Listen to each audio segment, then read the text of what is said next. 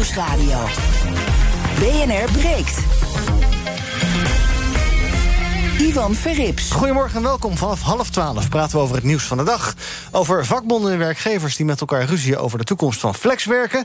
Ze ruzien over een plan dat ze zelf geschreven hebben. En we hebben het over een eh, zeer opvallende gratie verleend aan Frank Masmeijer. De politiebond is boos, er komen kamervragen. En de minister komt later vandaag met een verklaring, meldt de Telegraaf. En voor generatiegenoten leggen we ook nog even uit wie Frank Masmeijer ook alweer eigenlijk is.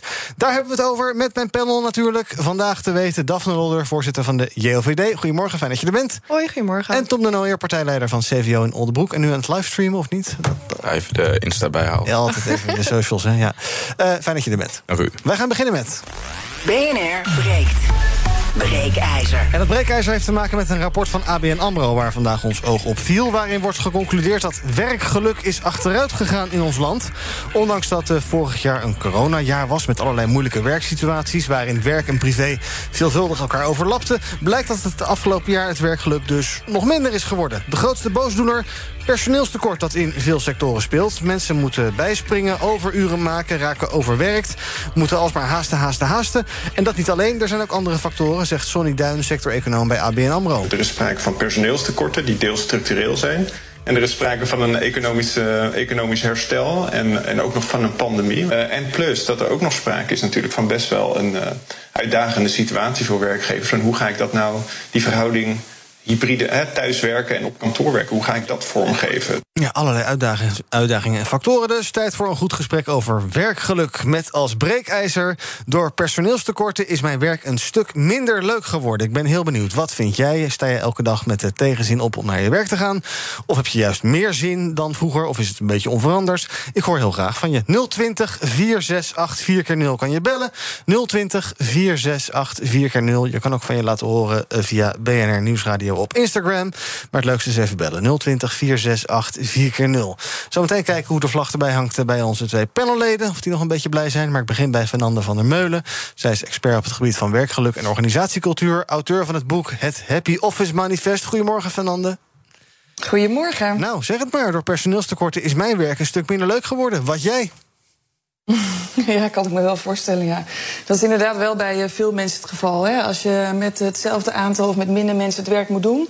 Uh, de druk loopt op en uh, nou ja, dan, dan wordt het natuurlijk wel minder leuk. dat is heel logisch. Dat zien we inderdaad bij heel veel organisaties wel gebeuren. Ja, en hoe, geldt, hoe gaat, geldt dat voor jouzelf? Ik ben gewoon even benieuwd. nou, voor mij geldt dat eigenlijk niet. Want oh. ik vind het natuurlijk echt wezenloos interessant wat hier gebeurt. -huh. Uh, en uh, het is voor ons natuurlijk ook juist heel interessant om te kijken hoe je nu als organisatie kan werken aan een cultuur waarin de mensen gelukkig kunnen zijn en een positieve werkcultuur. Ja. En daar kan je natuurlijk als organisatie heel veel aan doen, uh, ook in deze tijd, misschien wel juist in deze tijd. Ja, jij hebt dan drukker dan ooit eigenlijk, of niet nu?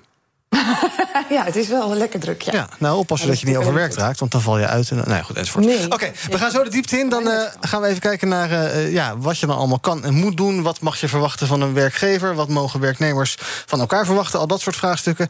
Eerst een rondje panel. Uh, begin ik even bij Daphne. Ons uh, breekijzer deze ochtend. Door personeelstekorten is mijn werk een stuk minder leuk geworden. Je werkt in het onderwijs. Dat klopt. Is het daar ook uh, aanpoten en elke dag hijgend naar huis met stapels werk? Dat je denkt, godver, heb ik een vervelend werk. Nou, het werk wat ik heb is echt hartstikke leuk om te doen. En het geluk is ook dat ik maar twee dagen werk. Hm? Um, dus ik ben zo'n parttimer binnen het onderwijs. Uh, en, en, ik de rest studeer. En, en denk dat dat voor mij ervoor zorgt dat de werkdruk echt wel meevalt. Al heb ik ook wel wat uren bijvoorbeeld van een zieke collega overgenomen. En merk ik wel dat dat nou, toch wel pittig kan zijn. Nou ja, stel je voor als je vijf dagen in de week in het onderwijs werkt... dan kan ik me echt wel voorstellen dat, uh, dat de spanning op een gegeven moment gewoon echt heel erg oploopt. En je denkt van nou, um, doe mij maar even een tandje minder. Ja. Maar goed, wat daar natuurlijk heel erg mee gepaard gaat, is hoe belonen we ons werk. En ik denk mm -hmm. dat als jij het idee hebt dat hè, als, je, als jij meer aan het eind van de maand overhoudt, uh, oftewel als de belastingen op werk uh, wat, wat omlaag zouden gaan, dat jij als sneller wat contenter bent met het werk dat je uitvoert. Ja, neemt je geluk in je werk toe als je er een paar euro's bij krijgt? Nou, je één op één? Ik denk echt wel dat als jij weet dat wat jij doet meer gewaardeerd wordt en dat dat werken meer loont, dat ook echt wel invloed heeft op uh, hoe jij ernaar gaat kijken. En in ieder uur inspanning dat je levert, weet je gewoon dat dat een ho dat hoger rendement oplevert. Oh, leuk. Gaan we zo ook even met Fernande bespreken. Wat nou de uh, harde kant en de zachte kant hiervan zijn, hoe je dat met elkaar moet afwegen. Eerst eventjes naar Tom. Vertel, ons breekijzer. Door personeelstekort is mijn werk een stuk minder leuk geworden. Heb je eigenlijk echt. Ja, is het bij CVO veel drukker geworden door personeelstekorten, uitval, burn-outs? Nee, bij ons niet. En, uh, maar in de politiek is natuurlijk wel een algemeen probleem dat er uh, te weinig personeel soms mm -hmm. is. En zeker in uh, lokale gemeenteraden.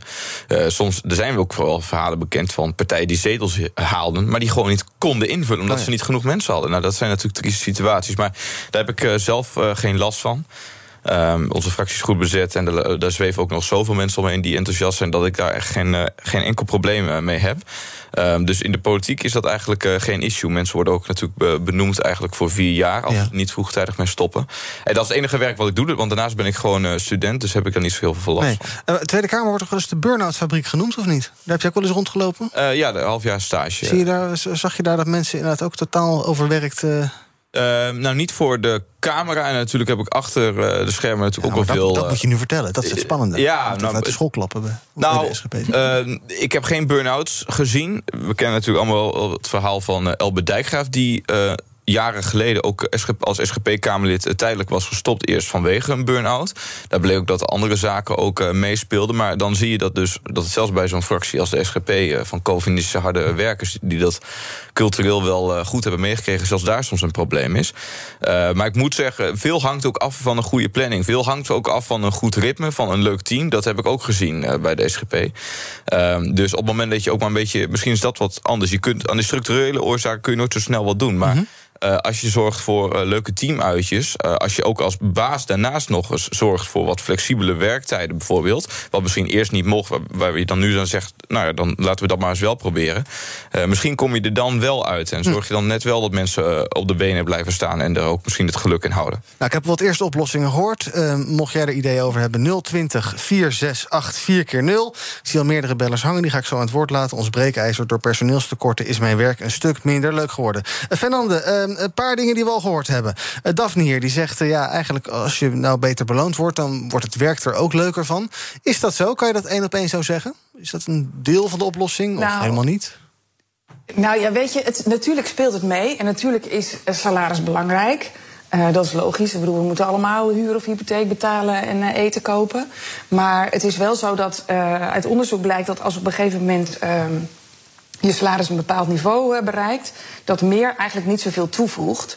Maar wat aan de andere kant wel heel erg belangrijk is, is dat je het gevoel hebt dat je eerlijk beloond wordt. Hè? Dat het fair is. En dat het niet zo is dat een collega voor hetzelfde werk bijvoorbeeld uh, veel meer betaald krijgt dan jij. Of dat je gewoon structureel onderbetaald krijgt uh, en nauwelijks uh, rond kan komen. Dat gaat echt heel erg ten koste van ons, ons werkgeluk.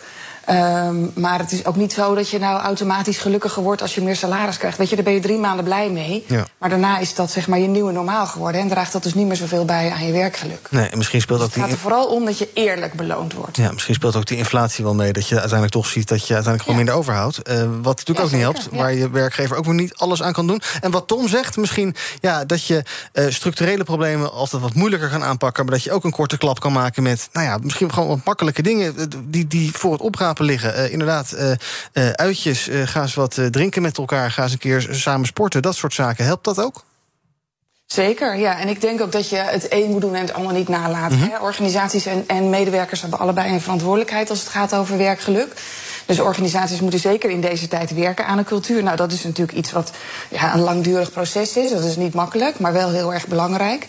Maar dat wil natuurlijk niet zeggen dat je dat niet moet doen omdat het ingewikkeld is of omdat het een, een groot ding is. Eh, en tegelijkertijd moet je zeker al die kleine dingen doen. Als eh, met elkaar plezier hebben en eh, af en toe een teamuitje. En gewoon een beetje simpele dingen als elkaar een compliment geven. Of positieve feedback. Of eh, even een kletspraatje maken. Dat zijn dingen die echt heel erg belangrijk zijn. En die echt heel erg kunnen bijdragen aan jouw dagelijkse werkgeluk. Twee vragen voordat ik naar de bellers ga.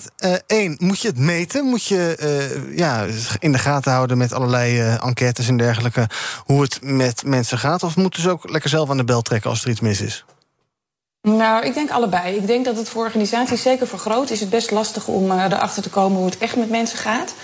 Dus dan is meten heel belangrijk. Maar dan, eh, als je het hebt over geluk, kan je dat natuurlijk niet meten met een jaarlijkse MTO. Dat heeft niet zoveel zin. En dan moet je echt meten in het hier en nu. Weet je, je kan alleen maar nu aan jou vragen hoe lekker zit jij in je vel en hoe gelukkig voel je je. Want over een week weet je dat al niet meer. Over vandaag. Dus dat is wel degelijk heel erg belangrijk. Dus ik denk dat uh, je moet zeker meten. Ehm, maar managers hebben daar natuurlijk zelf ook een hele grote stem in. Door gewoon steeds vinger aan de pols te houden in je eigen team. Hoe gaat het met je? Hoe voel je je? Wat, uh, hè, wat gaat er goed? Wat zou je anders willen? Mhm. Wat zou je zelf anders kunnen doen? Uh, dus dat, dat heeft ook verschillende kanten. Ja, en vraag twee, zijn we niet ook een beetje ja, gevoelig met elkaar geworden? Wat Tom een beetje beschreef. Uh, we, we, weten het wel van onze ouders, onze grootouders. Joh, je mocht blij zijn dat je, dat je een baan had en werkgeluk. Joh, zei ik niet zo, ga gewoon werken. Het is ja, 9 tot 5, je moet gewoon aan de slag. Kom op zeg, wat een ouwe hoer. Ja. Waarom moet dat allemaal maar happy peppy zijn en gelukkig op werk? En ja, nou, dat snap ik hoor. Dat, en dat heeft ook een beetje ermee te maken dat werkgeluk soms de connotatie heeft van uh, dat het allemaal maar lollig moet zijn. Hè? En net alsof het leven allemaal maar makkelijk moet zijn en dat het dan allemaal beter is. Dat is natuurlijk. Maar als je, als je nou kijkt naar waar mensen echt gelukkig van op het werk uh, worden, dan gaat het helemaal niet over die happy, die peppy dingen. Dan gaat het niet over die zandzakken of zitzakken en uh, teamuitjes en gratis fruit. Mm. Dat is uiteindelijk helemaal niet hetgeen waar mensen echt gelukkig van worden.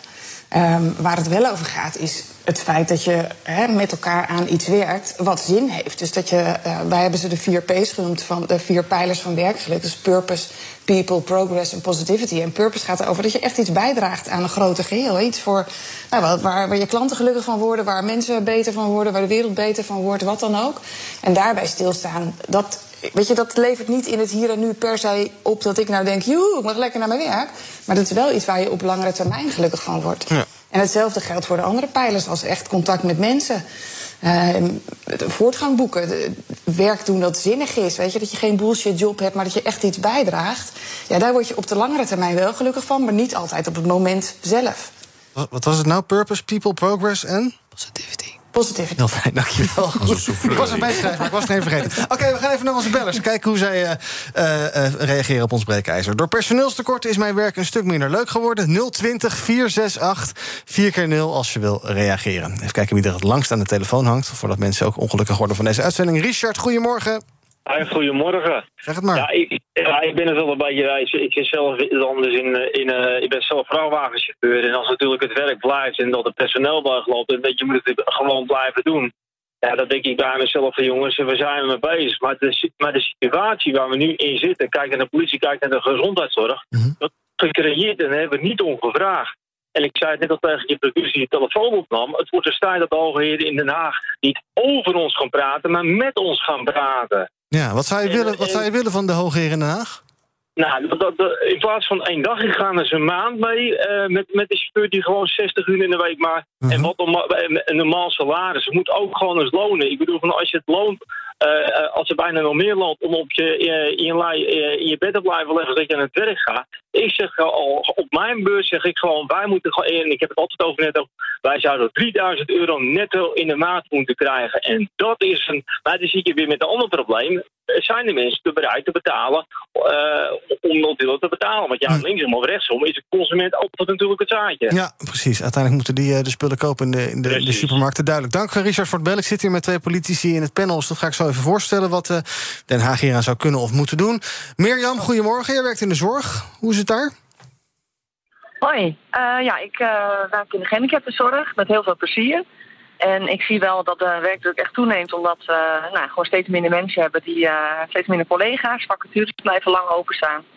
En nou ja, bij ziek en zeer wordt er eigenlijk, nou, moeten wij het met ons team samen oplossen. Mm -hmm. Dat betekent dat je toch in je privé nog weer appjes krijgt, kun je komen werken. Wie kan er alsjeblieft komen? Spoed, er is nu een open dienst. om, om acht uur is er niemand meer.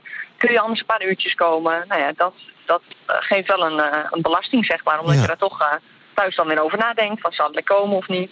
Ik ga elkaar ook soms een beetje aankijken van... Goh, nou ja, de een is toch anders belastbaar en beschikbaar dan de ander. Maar ja, ik heb ook net een paar dagen vrij. En waarom moet ik nou weer komen? Ja. Uh, ja, dat is, dat is wel uh, een lastige. Maar, ja, dat maar, wat maar zorgt dat dan alleen voor af en toe wat irritatie? Of zit het, zit het ook dieper? Dat het ook, nou ja, misschien ook wel tussen mensen uh, gaat werken... en dat je ook allerlei ja, oneenigheid erover krijgt... of chagrijn op de werkvloer? Moet nou ja, ja, allemaal gelukkig, niet hebben. Gelukkig hebben wij best een... een, een nou ja, best we hebben een heel leuk team. Ja. We, houden, we, we, houden het gesprek daarover altijd wel open. Mhm. maar goed, ja, je hebt natuurlijk wel persoonlijk af en toe... dat je denkt, hé, shit... Ja. Maar ja, ik weet dat die collega ook lastig zit met mantelzorg en met dingen. En uh, nou ja, laat ik nou maar komen. Maar dan baal ik wel, want het is ook mijn vrije weekend. Ja. Maar goed, dat heb je wel voor elkaar over dan. En omdat je het, ja, wij kunnen niet onze cliënten zoals in de kinderopvang of op school een dagje nou, de boel een dag dichtgooien. Want onze cliënten wonen er gewoon 24 uur per dag. Dus de zorg moet gewoon doorgaan. Ja, en dan moet je maar een en, beetje... uh, nou ja, dat is, uh, geeft extra druk. En dan zou het heel fijn zijn uh, als, nou ja, als we in ieder geval op de andere dingen wat ontzorgd worden, zeg ja, maar. Dus, nou ja. En dus een beetje flexibel en aardig naar elkaar zijn. Dankjewel, Mirjam. Bas, goedemorgen. Goedemorgen. Goedemorgen. Zeg het maar. Hoe is het met jou? ja. Uh, nou, met mij gaat het op zich hartstikke goed. Uh, maar ja, ik zit in de bouwmaterialen, dus wij moeten ervoor zorgen dat uh, de bouw door kan gaan en dat de juiste materialen op de juiste tijd er staan. Nou ja, goed, we hebben een behoorlijk personeelstekort. Dus ja, de, de werkdruk loopt behoorlijk op, de frustratie onderling loopt behoorlijk op. En ik denk niet dat dit allemaal ten goede komt. En ja, daar word je gewoon allemaal niet zo blij van. Nee, en heeft dat ook gevolgen voor, voor, voor je werk? ja, kom je, moet je veel overwerken? Ga je ja, fouten ja, maken? Ja, nee, nee, ongelukken? Ja, gaat, ja, nou dat is Je gaat fouten maken, dat wordt heel erg duur. Kijk, onze klanten maken mooie dingen, maar dan moeten ze wel de juiste dingen op de juiste tijd hebben. Uh, maar er spelen nog veel meer factoren, maar een van de factoren is natuurlijk uh, uh, nee, personeelsgebrek. Hè. kwaliteit van personeel is minder, ook bij de leveranciers, bij de fabrieken. Ja, en, en, en dat, dat levert gewoon heel veel frustratie op. Ja. En ik denk ook wel een beetje minder werkgeluk. Wat zou helpen bij jullie? Ja, meer mensen, maar ja, die kan je niet uit een blik toveren. Dus, meer, meer, meer, mensen en minder, minder, meer gas. meer gas. Ja, ja oké, okay, duidelijk. Ja. Dank voor het bellen. Nog twee bellers voor dit blokje. Even kijken. Stefan, goedemorgen. Hoi, um, ja, wat ik sowieso wel raar vind, is als je kijkt naar het buitenland, vergeleken met Nederland, heb je dus dat je, uh, het is middag in Spanje, heb je een siesta waar je gewoon lekker rustig aan kan doen. Uh, in, in Frankrijk trek je een flesje wijn open om vier uur s middags, ga je gewoon even met je collega's rustig aan doen. En hier in Nederland hebben we die rare 9 tot 5 werkmentaliteit, dat je eigenlijk gewoon achter je bureau zit en een beetje depressief zit te zijn, terwijl er helemaal niks van komt. Dus daar zou ik wel iets meer van willen terugzien hier in Nederland. En sowieso, ja, personeelstekort. We hebben ook nog genoeg vrouwen in Nederland die te weinig werken. Dus die kunnen prima lekker bijvallen. Dank, Stefan, voor je reactie. Uh, tot slot van dit half uur. Van, nog niet van dit half uur, maar van dit blokje. Jeroen, goedemorgen. Goedemorgen. Zeg ja, maar. ik zou uh, werk aantrekkelijker willen maken. Willem Vermeend heeft het al in de jaren negentig gezegd. Het, we hebben een systeem dat als je bijvoorbeeld werkt zoals mijn vrouw in de kinderzorg... en je hebt een contract van 16 uur en je gaat meer werken om een collega te ontlasten... dan word je geconfronteerd met een aanslag van de Belastingdienst ja. na een jaar.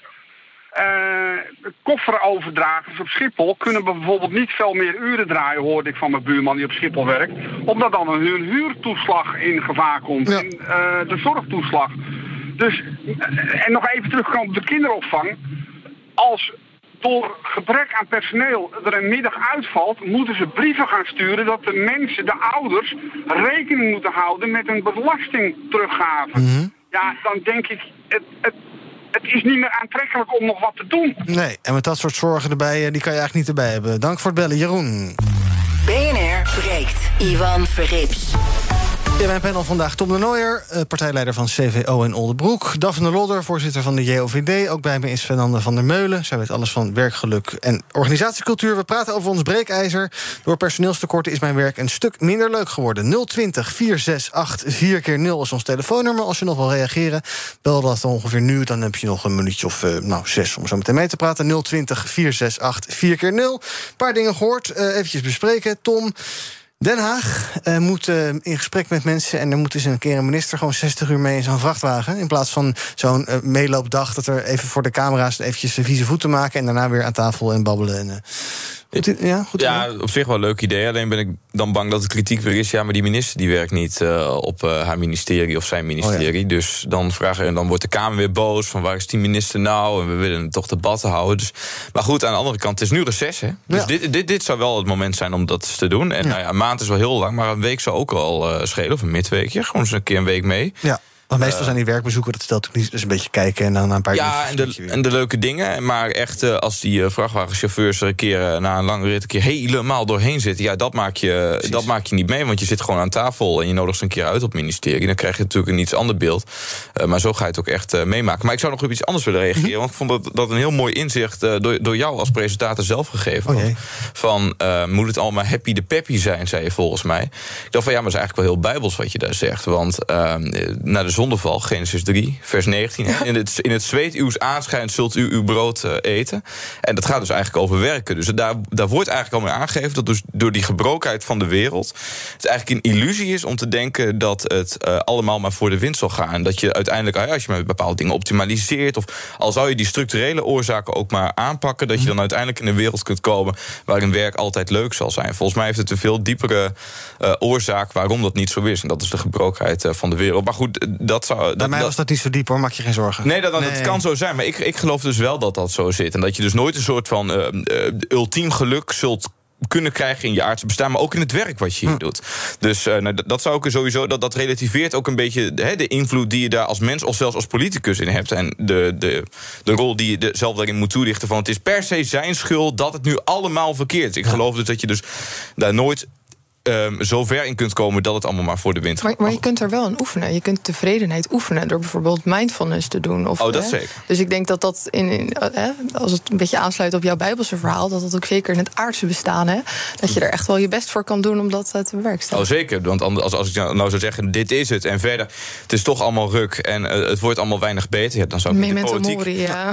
Nou ja, dat, dat, is sowieso heel ge, gezonde levenshouding. Maar het, het moet ook wel weer een beetje gepaard gaan met verantwoordelijkheid nemen en er toch het beste van maken, want daarvoor zijn we hier ook. Dus het is niet alleen maar een somber verhaal van... joh, laat, maar, laat maar links liggen. Je luistert nog steeds naar Groot Nieuws Radio. Oh, nee, wacht even, dat is een andere zender. BNR. Daphne, een iets aardigere vraag voor jou. Uh, wijn tussen de middag, zometeen na deze uitzending... even een flesje wijn opentrekken en dan daarna siesta doen. Zou je vinden dat onze cultuur wel iets minder... Want, en even het serieuze verhaal. Uh, wij zijn, hebben een cultuur van uh, werken inderdaad van 9 tot 5... en dan lunchen doe je maar even snel wat bammetjes achter je computer... achter je bureau. Ja, dat ja. we daar allemaal even iets ontspannender in worden... en iets meer dat, daar volwassener mee omgaan. Nou, een lekkere uitgebreide lunch op werk. Gewoon echt even pauze nemen in plaats van dat boterhammetje met kaas. Niet zo'n goorklef broodje. Waarvan ja. de kruimels in je, in je toetsenbord vallen... en die je dan een week later mag ja. terugvinden. Hey, ik denk dat dat echt wel ja, een heel goed idee is. Uh, maar goed, die, diezelfde beller die stipte natuurlijk ook een ander heel goed punt aan. Dat wij in Nederland uh, gewoon nog best wel een heel grote parttime cultuur hebben.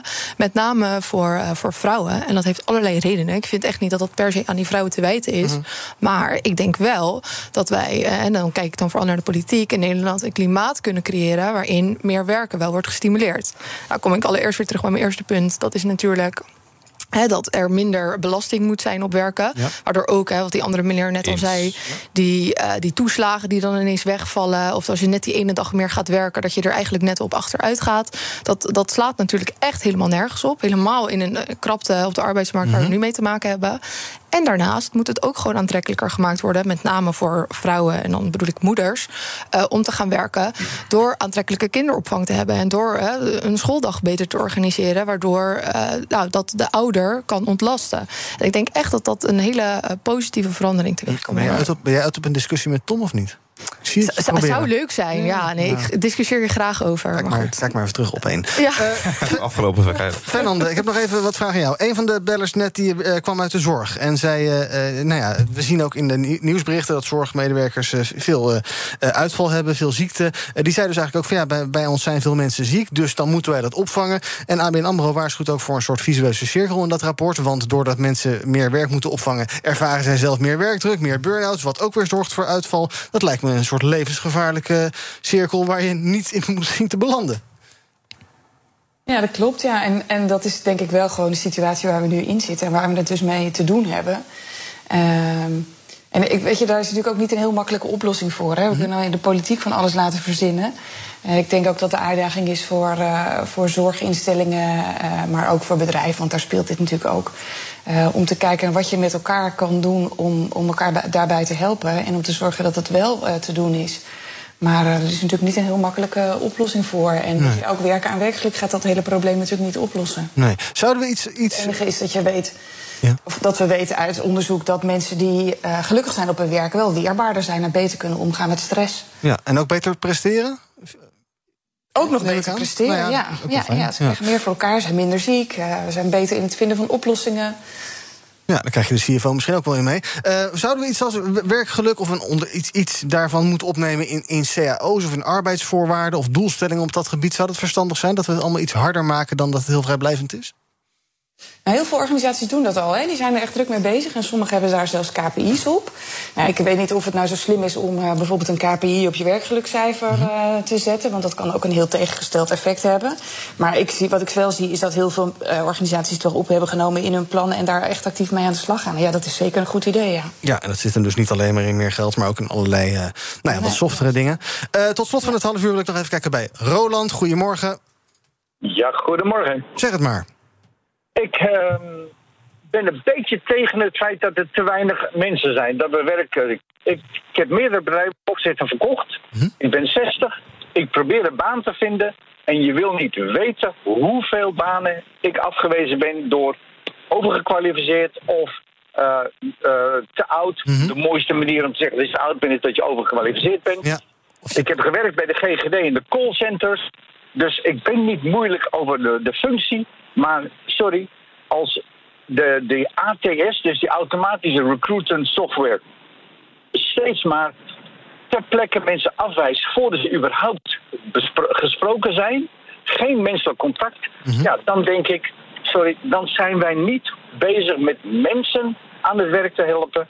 Er zijn helemaal mensen die op zoek zijn naar werk, maar die komen gewoon niet aan de bak omdat ze 60 zijn. Wow. Nou, Roland, we hebben nu heel veel uh, luisteraars, ondernemers en dergelijke. Dus uh, wat, wat wil je doen? Wat kan je? zeg het even tegen mij. Dan kunnen mensen met, B met BNR contact opnemen als ze interesse hebben. Dan kunnen wij ze weer doorverbinden met jou. Dus kom maar op, even een pitch voor jezelf. Een halve minuut. nou, ik ben overgekwalificeerd, zeggen ze. Nou, ik heb meerdere bedrijven opgezet in de groothandels, in de medische wereld. En de mogelijkheid om, om, om op business development of een bedrijven te starten, die zijn er. Ik kan dat. Ik weet, ken mensen die dat kunnen. En ik weet zeker dat ik een toegevoegde waarde kan zijn, ondanks mijn op papier 60-jarig en van binnen 28. Kijk. Um, er is zoveel te doen en zoveel energie. Kom op, we kunnen het. Jij wil aan de slag dus. Nou, mochten mensen na dit betoog enthousiast zijn geworden... neem even contact op met BNR. Uh, mail ons eventjes, uh, redactie.bnr.nl. Dan ga ik die mailbox even uitpluizen vanavond en morgenochtend... en dan kan ik je in contact brengen met Roland. dank aan Fernanda van der Meulen, expert op het gebied van werkgeluk... en organisatiecultuur. Fijn dat je erbij was. Op Instagram is het een beetje ja, 50-50. 52% is het eens met onze stelling. Door personeelstekorten is mijn werk een stuk minder leuk geworden. Je kan nog de hele dag daar stemmen. Zo Zometeen ga ik met mijn twee panelleden verder praten over het nieuws van de dag. Over de polder die in de clinch ligt, over een akkoord dat ze zelf gesloten hebben. En we hebben het over gratie voor Frank Masmeijer. Hij is op vrije voeten, anderhalf jaar eerder dan gepland. En zelf weet hij eigenlijk ook niet helemaal waarom. Opvallend. Zometeen bij BNR Breekt.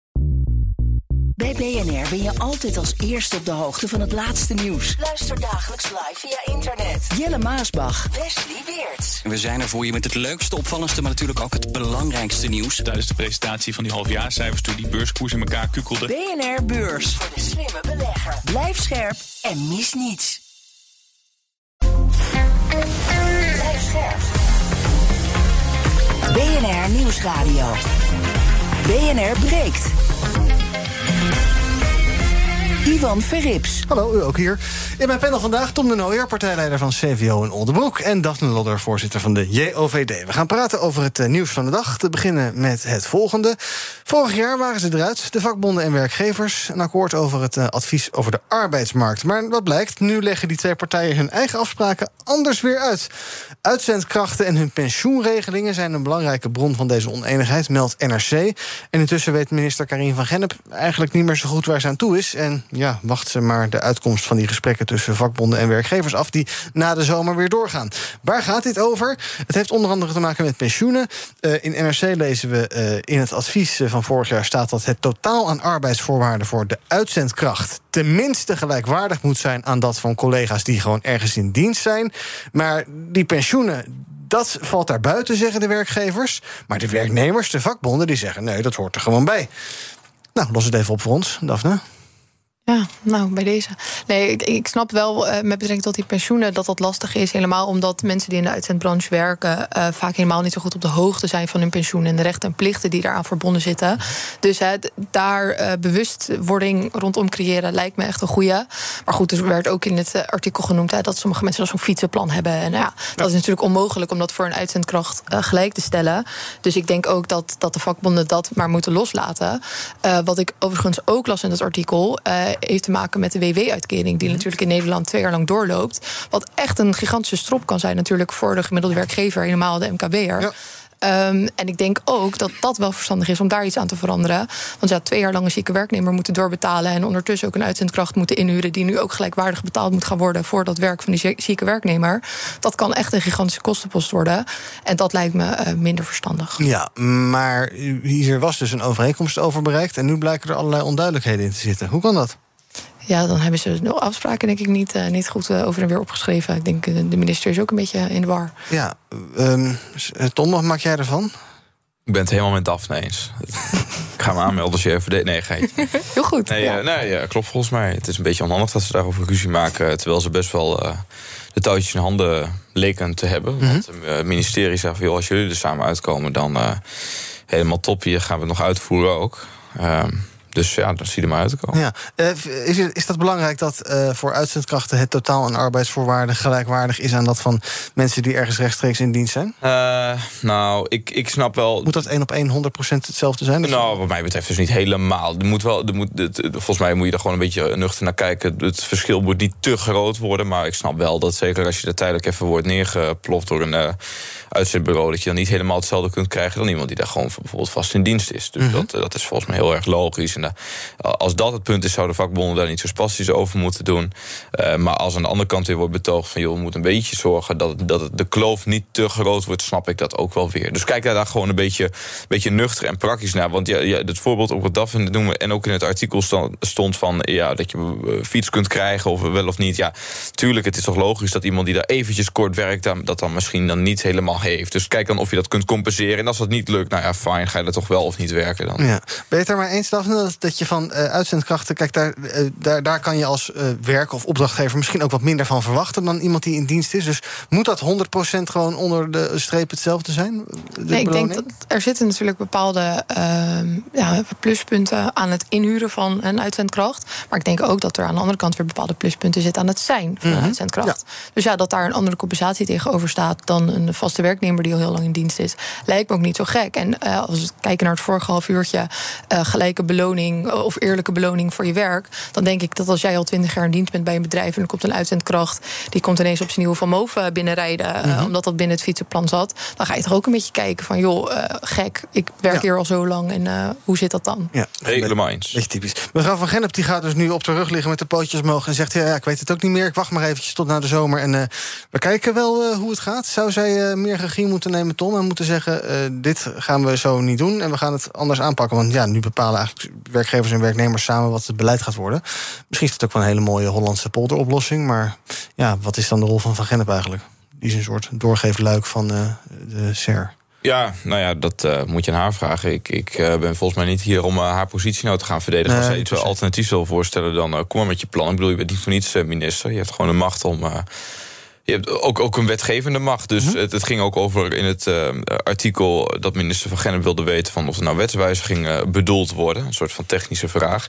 Eh, maar als zij die zelf wil voorstellen, kan ze dat ook gewoon aan de Kamer meedelen. Dus volgens mij is dat helemaal niet in het geding. En als de minister zegt, voer het niet uit, dan heeft ze misschien wel bonje met, eh, met, met vakbonden of werkgevers. Maar dan, zoek, dan redt zij dat ook wel. Ik bedoel, ze heeft niet zo'n zwakke positie hoor, als minister. Maar wat jou betreft mag ze wel iets actiever zijn. Nou, ligt eraan. Kijk, als het misschien verhult, moet het ook wel een beetje verhullen dat het kabinet er weinig eigen visie eh, op heeft. En dat het denkt van, nou ja, als het maar gedragen wordt, zijn wij het er wel mee eens.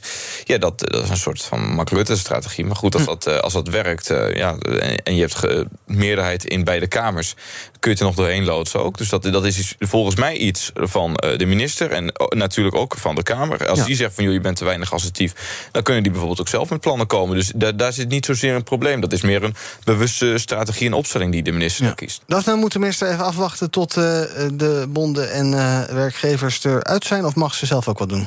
Ik denk dat het wel goed is als je vertrouwt op eh, de bepaalde expertise van, eh, van organisaties. Mhm. Dus zoals de premier dat bijvoorbeeld ook doet op zijn of haar ministers. Oh Ehm, maar eh, op een gegeven moment moet je inderdaad wel de regie nemen en zeggen: joh, ik sla even pardon, met de vuist op tafel.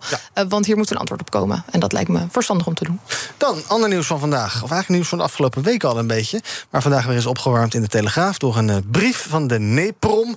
Dat is de koepelorganisatie van eh, eh, eh, vastgoedondernemingen.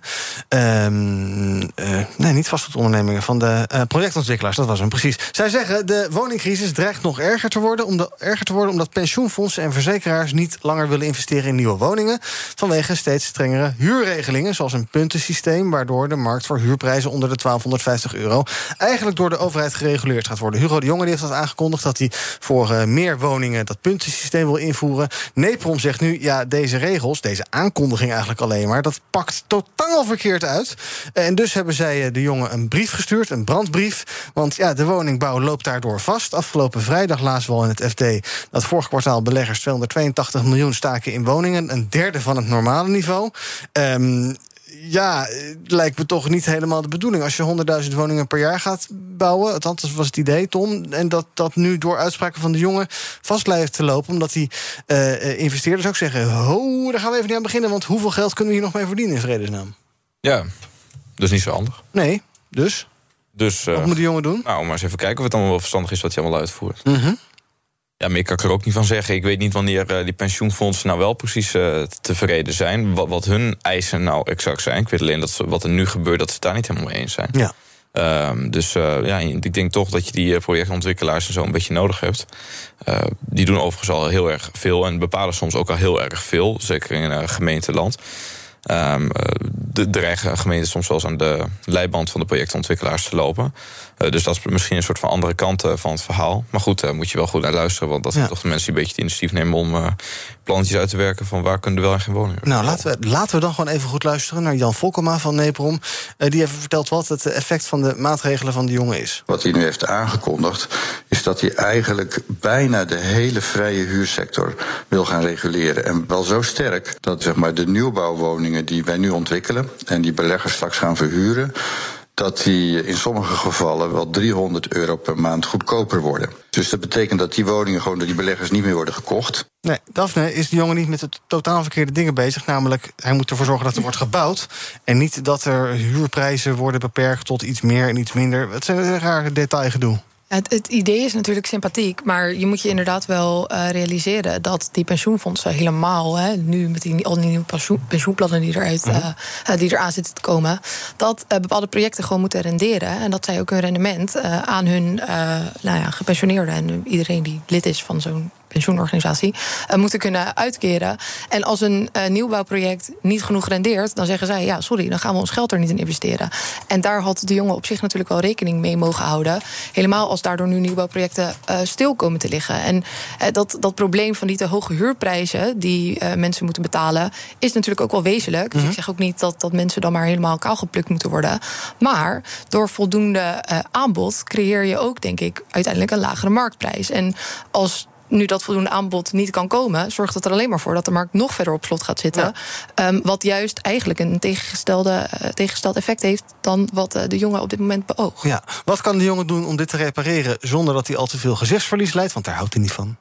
Ja, ik, ik zou dat hele stomme puntenplan dan misschien wat, wat meer los gaan laten. Of, ja. of het in ieder geval naar beneden bijstellen. Zodat het voor, voor een deel van de woningen nog wel um, uh, rendeert. Ja. En überhaupt, hè, dat, het hele feit dat er 30% sociale huur nu gebouwd moet gaan worden bij ieder nieuwbouwproject. Ja, dat, dat draait het hele systeem sowieso op slot. Dus ik denk uh, dat ja, als je daar gaat sleutelen, dat je de markt nog een stuk vrijer kan laten. BNR ben je altijd als eerste op de hoogte van het laatste nieuws. Luister dagelijks live via internet. Jelle Maasbach, Wesley Weert. We zijn er voor je met het leukste, opvallendste, maar natuurlijk ook het belangrijkste nieuws. Tijdens de presentatie van die halfjaarcijfers toen die beurskoers in elkaar kukkelde. BNR Beurs. Voor de slimme belegger. Blijf scherp en mis niets. BNR breekt. We gaan naar het nieuws van de dag van mijn panelleden. Wat hebben zij meegenomen? Um, Daphne, ik begin bij jou. Je wil het hebben over gas. Ja, inderdaad. Uh, morgen uh, wordt uh, de Nord Stream 1 wellicht weer geopend. na dagen van, van onderhoud. En dat is toch best een, best een hele spannende dag voor de beurzen. Omdat nu op dit moment de gasmarkt eigenlijk volledig stil ligt. al die, die handelaren die anticiperen eigenlijk op nou, wat er morgen gaat gebeuren. En dat weten ze niet. of Poetin gaat zeggen: we, we draaien de gaskraan weer open, de ja of de nee. Ehm, en dat kan best wel eh, wat gevolgen hebben voor de prijs die wij natuurlijk uiteindelijk weer voor gas moeten gaan betalen in Nederland. Ehm, nu is dat economisch gezien en, en, op de markt gezien heel erg spannend. Maar um, vind ik ook dat de politiek hier wel iets meer op mag anticiperen en iets meer mee mag doen. Mhm. omdat er, uh, nou, een wijze grote gascrisis is op dit moment. En ik eigenlijk heel weinig visie op dit moment hoor of zie. Uh, misschien uh, zijn ze wel achter de schermen bezig met het, met het uh, maken van plannetjes. Maar ik heb ze tot nu toe nog niet echt heel erg uitgebreid gezien of gehoord. er is een rapport uitgekomen die zegt van nou, we gaan het waarschijnlijk met z'n allen wel redden. Hè. Ja. In Nederland. Gasunie. precies. Ja. Hebben we, zullen we niet met gigantische tekorten te maken gaan hebben. Maar goed, we zitten sowieso ook al in een energietransitie -hmm. die we door moeten gaan maken. En ik hoor daar echt op dit moment bijzonder weinig over. Uh, dus ik zou graag willen dat de politiek zich daar meer mee gaat bezighouden. Zodat we op de lange termijn überhaupt niet meer hè, van het Russische gas afhankelijk zullen zijn. Ja. Um, en daarnaast denk ik ook dat we hè, misschien toch wel gewoon moeten kijken naar het Groningse gasveld. Um, en als we de, pardon, de Groningers voldoende compenseren voor het gas dat we daar vandaan halen. Um, dat dat dan op zich echt geen probleem hoeft op te leveren. Zolang je maar naar mensen luistert en mensen in gesprek gaat. Hm. En al die kanten van het verhaal hoor ik eigenlijk niet. Het is nu maar een beetje kijken wat de markten morgen doen. Um, en ik vind dat uh, nou getuigen van misschien toch wat weinig visie. Ja, uh, aan de andere kant, jij zei al, we weten het niet. Ik geloof dat de Europese Commissie er rekening mee houdt dat die uh, helemaal niet open gaat. Hè. Een beetje prepare for the hope for the best, prepare for the worst. Ehm, dan was er gisteravond weer een verhaal bij Reuters of Bloomberg dat twee bronnen bij Gazprom zeggen van nee hoor, het ding gaat morgen gewoon weer open. Wel op de niveaus minder dan voor 11 juli, maar toch, we eigenlijk morgen weer open. Dus we weten het allemaal niet. De Europese Commissie komt waarschijnlijk vandaag met een voorstel waarin ze zeggen... EU-landen moeten in de maanden augustus tot en met maart... ergens 10 tot 15 procent minder gas gaan verbruiken. Uh, zie je in Brussel wel enige visie op dit gebied of ook veel te weinig? Ja, bezuinigen is natuurlijk geen visie. Ik bedoel, je wil, je wil een, ah, ja. oplossing, een duurzame oplossing hebben... voor een probleem dat men is gecreëerd. En we gaan dan maar zeggen van ja, oké, okay, dan moeten we minder gaan gebruiken. Ik bedoel, is logisch, hè? er wordt op dit moment ook al minder gebruikt. Maar ik denk niet dat dat um, op de lange termijn stand zal houden. Mm. Ik bedoel, je weet niet hoe lang deze oorlog nog gaat duren. Je weet niet hoe lang Poetin nog onvoorspelbaar blijft. Ja. Volgens mij is hij dat. Dus hè, is dat een permanente staat waar we mee te dealen hebben.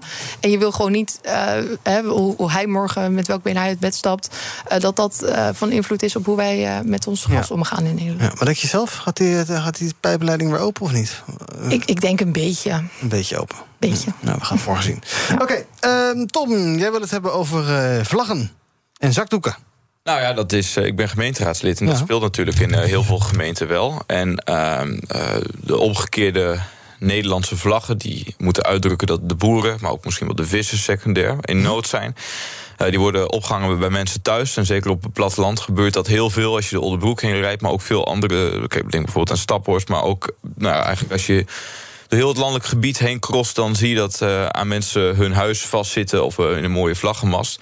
Uh, maar nu is de discussie, dat, dat moeten namelijk mensen helemaal zelf weten... is ook hoe het juridisch zit. maar nu zijn ze ook wel eens opgehangen aan gemeentelijke eigendommen. Denk ja. aan lantaarnpalen. En nu is er eigenlijk een discussie, verwoede discussie... over hoe moet je daar nou als gemeente mee omgaan. Mijn gemeente heeft besloten om ze weg te halen... met, vind ik, een nogal dubieuze argumentatie. Maar gisteren werd weer bekend dat vanuit de gemeente Hogeveen... dat daar de vlaggen wel mogen blijven hangen en niet worden weggehaald. En dan kun je het hebben, ja, moet het over symbolen hebben. Maar daar gaat nogal vaak de discussie over. Of we het nou over een regenboogvlag hebben of over een Oekraïne-vlag hebben. Uh, daar wil nog wel eens discussie over ontstaan. En ik denk dat het toch eens belangrijk is om dus die argumentatie onder de loep te nemen. Van bijvoorbeeld mijn gemeente, gemeente Oldenbroek, wat is daar nou gezegd? Nou, door de burgemeester is gezegd van de, de gemeentelijke eigendommen zijn niet bedoeld als um, um, uh, objecten voor protest. Mm -hmm. En, maar dat is nog veel belangrijker. De gemeente zei ook, en de burgemeester stelt... maar als gemeente hebben we ook rekening te houden met andere groepen... die zich door deze acties gekwetst voelen. Het gaat hierbij onder meer over veteranen. Ja. Als het gaat om de Nederlandse vlag... die vinden het echt schrijnend om te zien dat die wordt omgekeerd wordt opgehangen. En ik snap beide gevoelens wel. Ik snap soms, die, die, die kan die veteranen kan ik me best in inleven... maar ik kan me ook minstens zo goed inleven in, inleven in die boeren... die eigenlijk op deze manier nog een heel mild protest... een vreedzaam protest doen... en een signaal afgeven van, joh, wij zijn in nood... Ehm, en ik vind wel ook als gemeente zo heel spastisch eigenlijk die, die vlaggen weg gaan halen met de argumentatie, maar anderen kunnen zich gekwetst voelen. Nou, op het moment dat er een regenboogvlag wordt gehezen, er wordt aangegeven van heel veel mensen die zeggen van nou, dat vinden we misschien niet het juiste symbool om een bepaald iets of een bepaalde groepering onder de aandacht te brengen, wordt altijd gezegd nee, maar dat, dat moet je niet zo zien. En deze Mhm. vlag betekent nou eenmaal gewoon dat we voor diversiteit en inclusie staan. Dus je mag er eigenlijk geen andere mening op nahouden. We doen het gewoon, je moet je niet gekwetst voelen. En nu wordt er wel heel nadrukkelijk naar voren gesteld. Bij ons was het zelfs in de gemeente Oldenbroek naar aanleiding van één LinkedIn-post, één brief die werd geschreven naar de gemeente. Oké, dan gaan we ze wel weghalen. Dus op basis van één verhaal.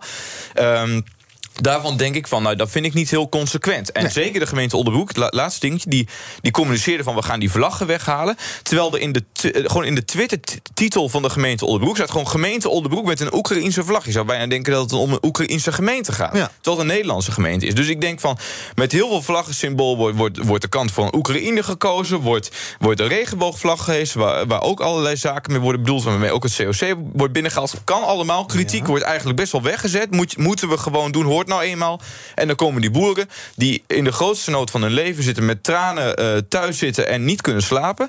Die doen als laatste eh, signaal eigenlijk afgeven. Wij zijn in nood. We hangen die Nederlandse vlag op de kop. En dan wordt hij met veel bombarisch, spastisch weggehaald. Ja, ik Maar denk van, liggen dan, eh, wordt dan die argumentatie wel consequent toegepast? Ik denk van niet. Maar jij, jij denkt dus eigenlijk gewoon dat de gemeente Onderbroek boeren haat? Dat zeg ik niet. Ik vind het alleen niet van veel sympathie naar de boeren getuigen... Mhm. op het moment dat die dingen van gemeentelijke eigendommen... met veel eh bombarie worden neergehaald. Terwijl er ook heel veel gemeenten zijn. Ik heb Hogeveen al genoemd, maar er zijn ook gemeenten die zeggen... joh, we zijn neutraal, we, hangen, we laten ze nu even wachten... omdat we op zijn minst begrijpen wat er met die boeren aan de hand is. Maar de gemeente Oldenbroek en ook vele andere gemeenten... moeten dat maar weer zo snel mogelijk omlaag halen. Ik denk van, ja, maar wat voor signaal geef je daar ook eigenlijk mee af... Mhm. naar die boeren die dit als laatste wanhoopspoging duidelijk maken? Maar steun voor, voor één eh, doel of eh, dus iets sympathieks doen voor een groep eh, of voor een ander land, betekent niet meteen, hè, in het geval van de omgekeerde vlag, een aanval op een andere groep Nederlanders in dit geval. Ik denk dat als jij een, een, een LGBTQ-vlag, een regenboogvlag ophangt, dat het door niemand als een aanval op iets of iemand wordt eh, beschouwd. En een omgekeerde vlag wordt door heel veel Nederlanders wel zeker eh, als, een, als een bepaalde aanval op nou ja, Nederland en de rechtsstaat die we met z'n allen hebben beschouwd. Eh, nou, volgens mij niet, een- is het geen aanval op de rechtsstaat. Het is een heel gebruikelijke vlag, wat ook een bepaald, eh, wat niet nu is verzonnen om eigenlijk de Nederlandse vlag te kunnen verkrachten of aan te randen. Nee, het, het, komt van, eh, van vroeger. Waarbij binnen de visserij ook iemand in nood was, dan kon je dat zien en dan werd diegene te hulp geschoten. Dus dat is ook het verleden. Dus het is niet zo dat dat nu maar wordt gedaan om de Nederlandse vlag om zeep te helpen. Ten tegendeel. En juist ook als die Nederlandse vlag normaal gesproken zou moeten staan voor vrijheid en voor eenheid en verbondenheid. Nou ja, daar lijkt op dit moment soms wel heel weinig eh, sprake van te zijn. Dus ik, dus ik snap die gevoelens wel. En daarnaast ook als het gaat om die regenboogvlag. Nou, er zijn wel degelijk heel veel mensen die zeggen, zelfs ook LHBT'ers die zeggen: ik word op deze manier in een hoek geplaatst die ik misschien eigenlijk helemaal niet wil. Ik word telkens met elke met de 365 dagen per jaar lijken er wel weer eh, zaken te zijn voor LHBT'ers. En ik voel me telkens aangesproken te veel op mijn seksuele geaardheid, terwijl mijn identiteit veel meer is. Er zijn ook heel veel mensen die zich niet thuis voelen bij het hijsen van die regenboogvlag. Juist in, ook een christelijke gemeente waarvan ze zeggen de regenboog staat voor het, het symbool van Gods trouw naar de aarde. Dus laten we gewoon een ander symbool kiezen. Ja, ook En prima, ook- maar dan moeten ze dus- dat toch dus- lekker doen. Maar het gaat er toch om dat, dat en de ik zou gemeente... tot slot consequent dingen willen zeggen. Ook ik snap het best wel als mensen zeggen... nou, ik wil, ik wil die regenboogvlag, want het staat voor mij. Ik snap ook mensen die er kritisch op zijn. Ik snap ook de mensen die pro-boer zijn. Maar laten we dan nu zeggen... we doen voor die LBT's, doen we gewoon iets waar iedereen zich in kan vinden. En laten we dan bij- die boeren, dat is mijn oplossing. Ik snap best wel als gemeente zeggen... we willen geen ge- geprotesteerd hebben op ongemeentelijke eigendom. Laten we dan als gemeente, als ze toch blijk willen geven... van die sympathie aan de boeren, gewoon die boerenvlag hijsen. Die boerenzakdoek die nu aan mooi aan al die huizen hangt... laten we die als gemeentes hijsen. Laat je zien, we zijn er echt voor die boeren. Oh, een omgekeerde regenboogvlag. Maar het is Een omgekeerde regenboog, boeren zakdoekvlag. Oké, eh, eh, We maken er wel van. Dank. We gaan even kijken wat er trending is op de socials. Eh, Nou, veel corona nog steeds. Eh, gisteren meldde het RIVM dat er 11% minder besmettingen zijn dan de week ervoor. De zomergolf lijkt over zijn piek heen. Hashtag Eindhoven is trending. Oud-Eurogroep-voorzitter, oud-minister en PvdA-prominent Jeroen Dijsselbloem... mag er aan de slag als burgemeester. De baantjescarousel draait weer. En gisteren was hashtag hitte een hot topic op Twitter. Vandaag doet de temperatuur een stapje terug... maar Twitteraars doen ook een stapje terug met hashtag warm. Nog heel eventjes over deze man. Goedenavond allemaal. Hartelijk welkom hier in de studio. Dank u wel, mevrouw. Blij dat het weer zover is. Naar de derde aflevering van Dinges. Ja, Frank Wasmeijer, icoon uit de jaren 80 en 90... die heeft gratie gekregen nadat hij een jarenlange celstraf kreeg... vanwege cocaïnesmokkel in de Antwerpse haven. Hij was natuurlijk een, eh, ja, wat ik al zei, tv-icoon... uit de jaren 80 en 90 van de NCRV, allerlei programma's gemaakt. Maar die heeft nu opeens uh, gratie gekregen. Een uh, wet voorgesteld door minister Weerwind... getekend door de koning uiteraard. Maar het opvallende is, Wasmeijer en uh, ook advocaat Knoops... die weten eigenlijk zelf niet waarom die gratie heeft gekregen. De politie vindt het raar, althans politiebondvoorzitter Jan Struis snapt het niet. Uh, de minister wil nog niks zeggen, die komt later vandaag met een inhoudelijke reactie. Het is een beetje een raar verhaal, wat is hier aan de hand? normaal bij een gratie dan moet er iets aan de hand zijn... dan moet je leven enorm veranderd zijn... omdat je ernstig ziek bent of iets dergelijks... of een familielid dat overleden is. Maar deze meneer heeft gratie gekregen, maar hij weet niet waarom. Dat is een beetje raar, toch? Het lijkt inderdaad heel erg raar. Maar ik kan me niet voorstellen dat de minister en zelfs de koning uh, niet een gegronde reden zouden hebben om dit te doen. Ja. En um, ik, ik, uh, een beetje gek dat die beste meneer zelf ook niet zo goed weet waarom die gratie nee. gekregen nu op vrije voeten staat. Um, maar ik denk voordat we met z'n allen heel hard gaan oordelen over of dit nou wel of niet goed is, mm -hmm. hè, zelfs die, de, de, voorzitter van de politiebond, um, dat we even met z'n allen gaan afwachten wat hier nou precies aan de hand is. Ja. Voordat we nou ja, weer uh, gaan twijfelen aan ja. onze rechtsstaat en rechtszekerheid. Ja, de minister zei eerst van we geven geen commentaar op individuele zaken, maar er komt nu later toch een verklaring. Dat is misschien toch wel prettig. Eerst even afwachten, Tom, voordat we ons oordeel klaar hebben staan. Ja, laat me doen. Oh, de... Maar ik, wil, ik weet niet of er nou echt een gegronde reden achter zit. Misschien komt zometeen uit die verklaring nog steeds weinig nieuws. Ja. En dan blijft het een beetje, een beetje gissen. Ja. Misschien zijn er wel dingen in het geding die we niet, uh, niet mogen weten. Maar dat zullen we allemaal rustig moeten afwachten. Laat maar niet. Uh, nou, dus oh, we kunnen natuurlijk altijd wat uh, ja, wanden zijn onderling. Ik, ik weet het niet. Okay, we gaan ik, even verder speculeren. Maar dat doen we wel buiten de uitzending. Dank voor jullie aanwezigheid vandaag bij BNR Breekt. Morgen ben ik er weer. Tot die tijd kun je ons volgen via de socials en gewoon lekker blijven luisteren. Want zometeen is Thomas hier met zaken doen. Bij BNR ben je altijd als eerste op de hoogte van het laatste nieuws. Luister dagelijks live via internet. Jelle Maasbach, Wesley Weert. We zijn er voor je met het leukste, opvallendste, maar natuurlijk ook het belangrijkste nieuws. Tijdens de presentatie van die halfjaarcijfers toen die beurskoers in elkaar kukkelde. BNR Beurs. Voor de slimme belegger. Blijf scherp en mis niets.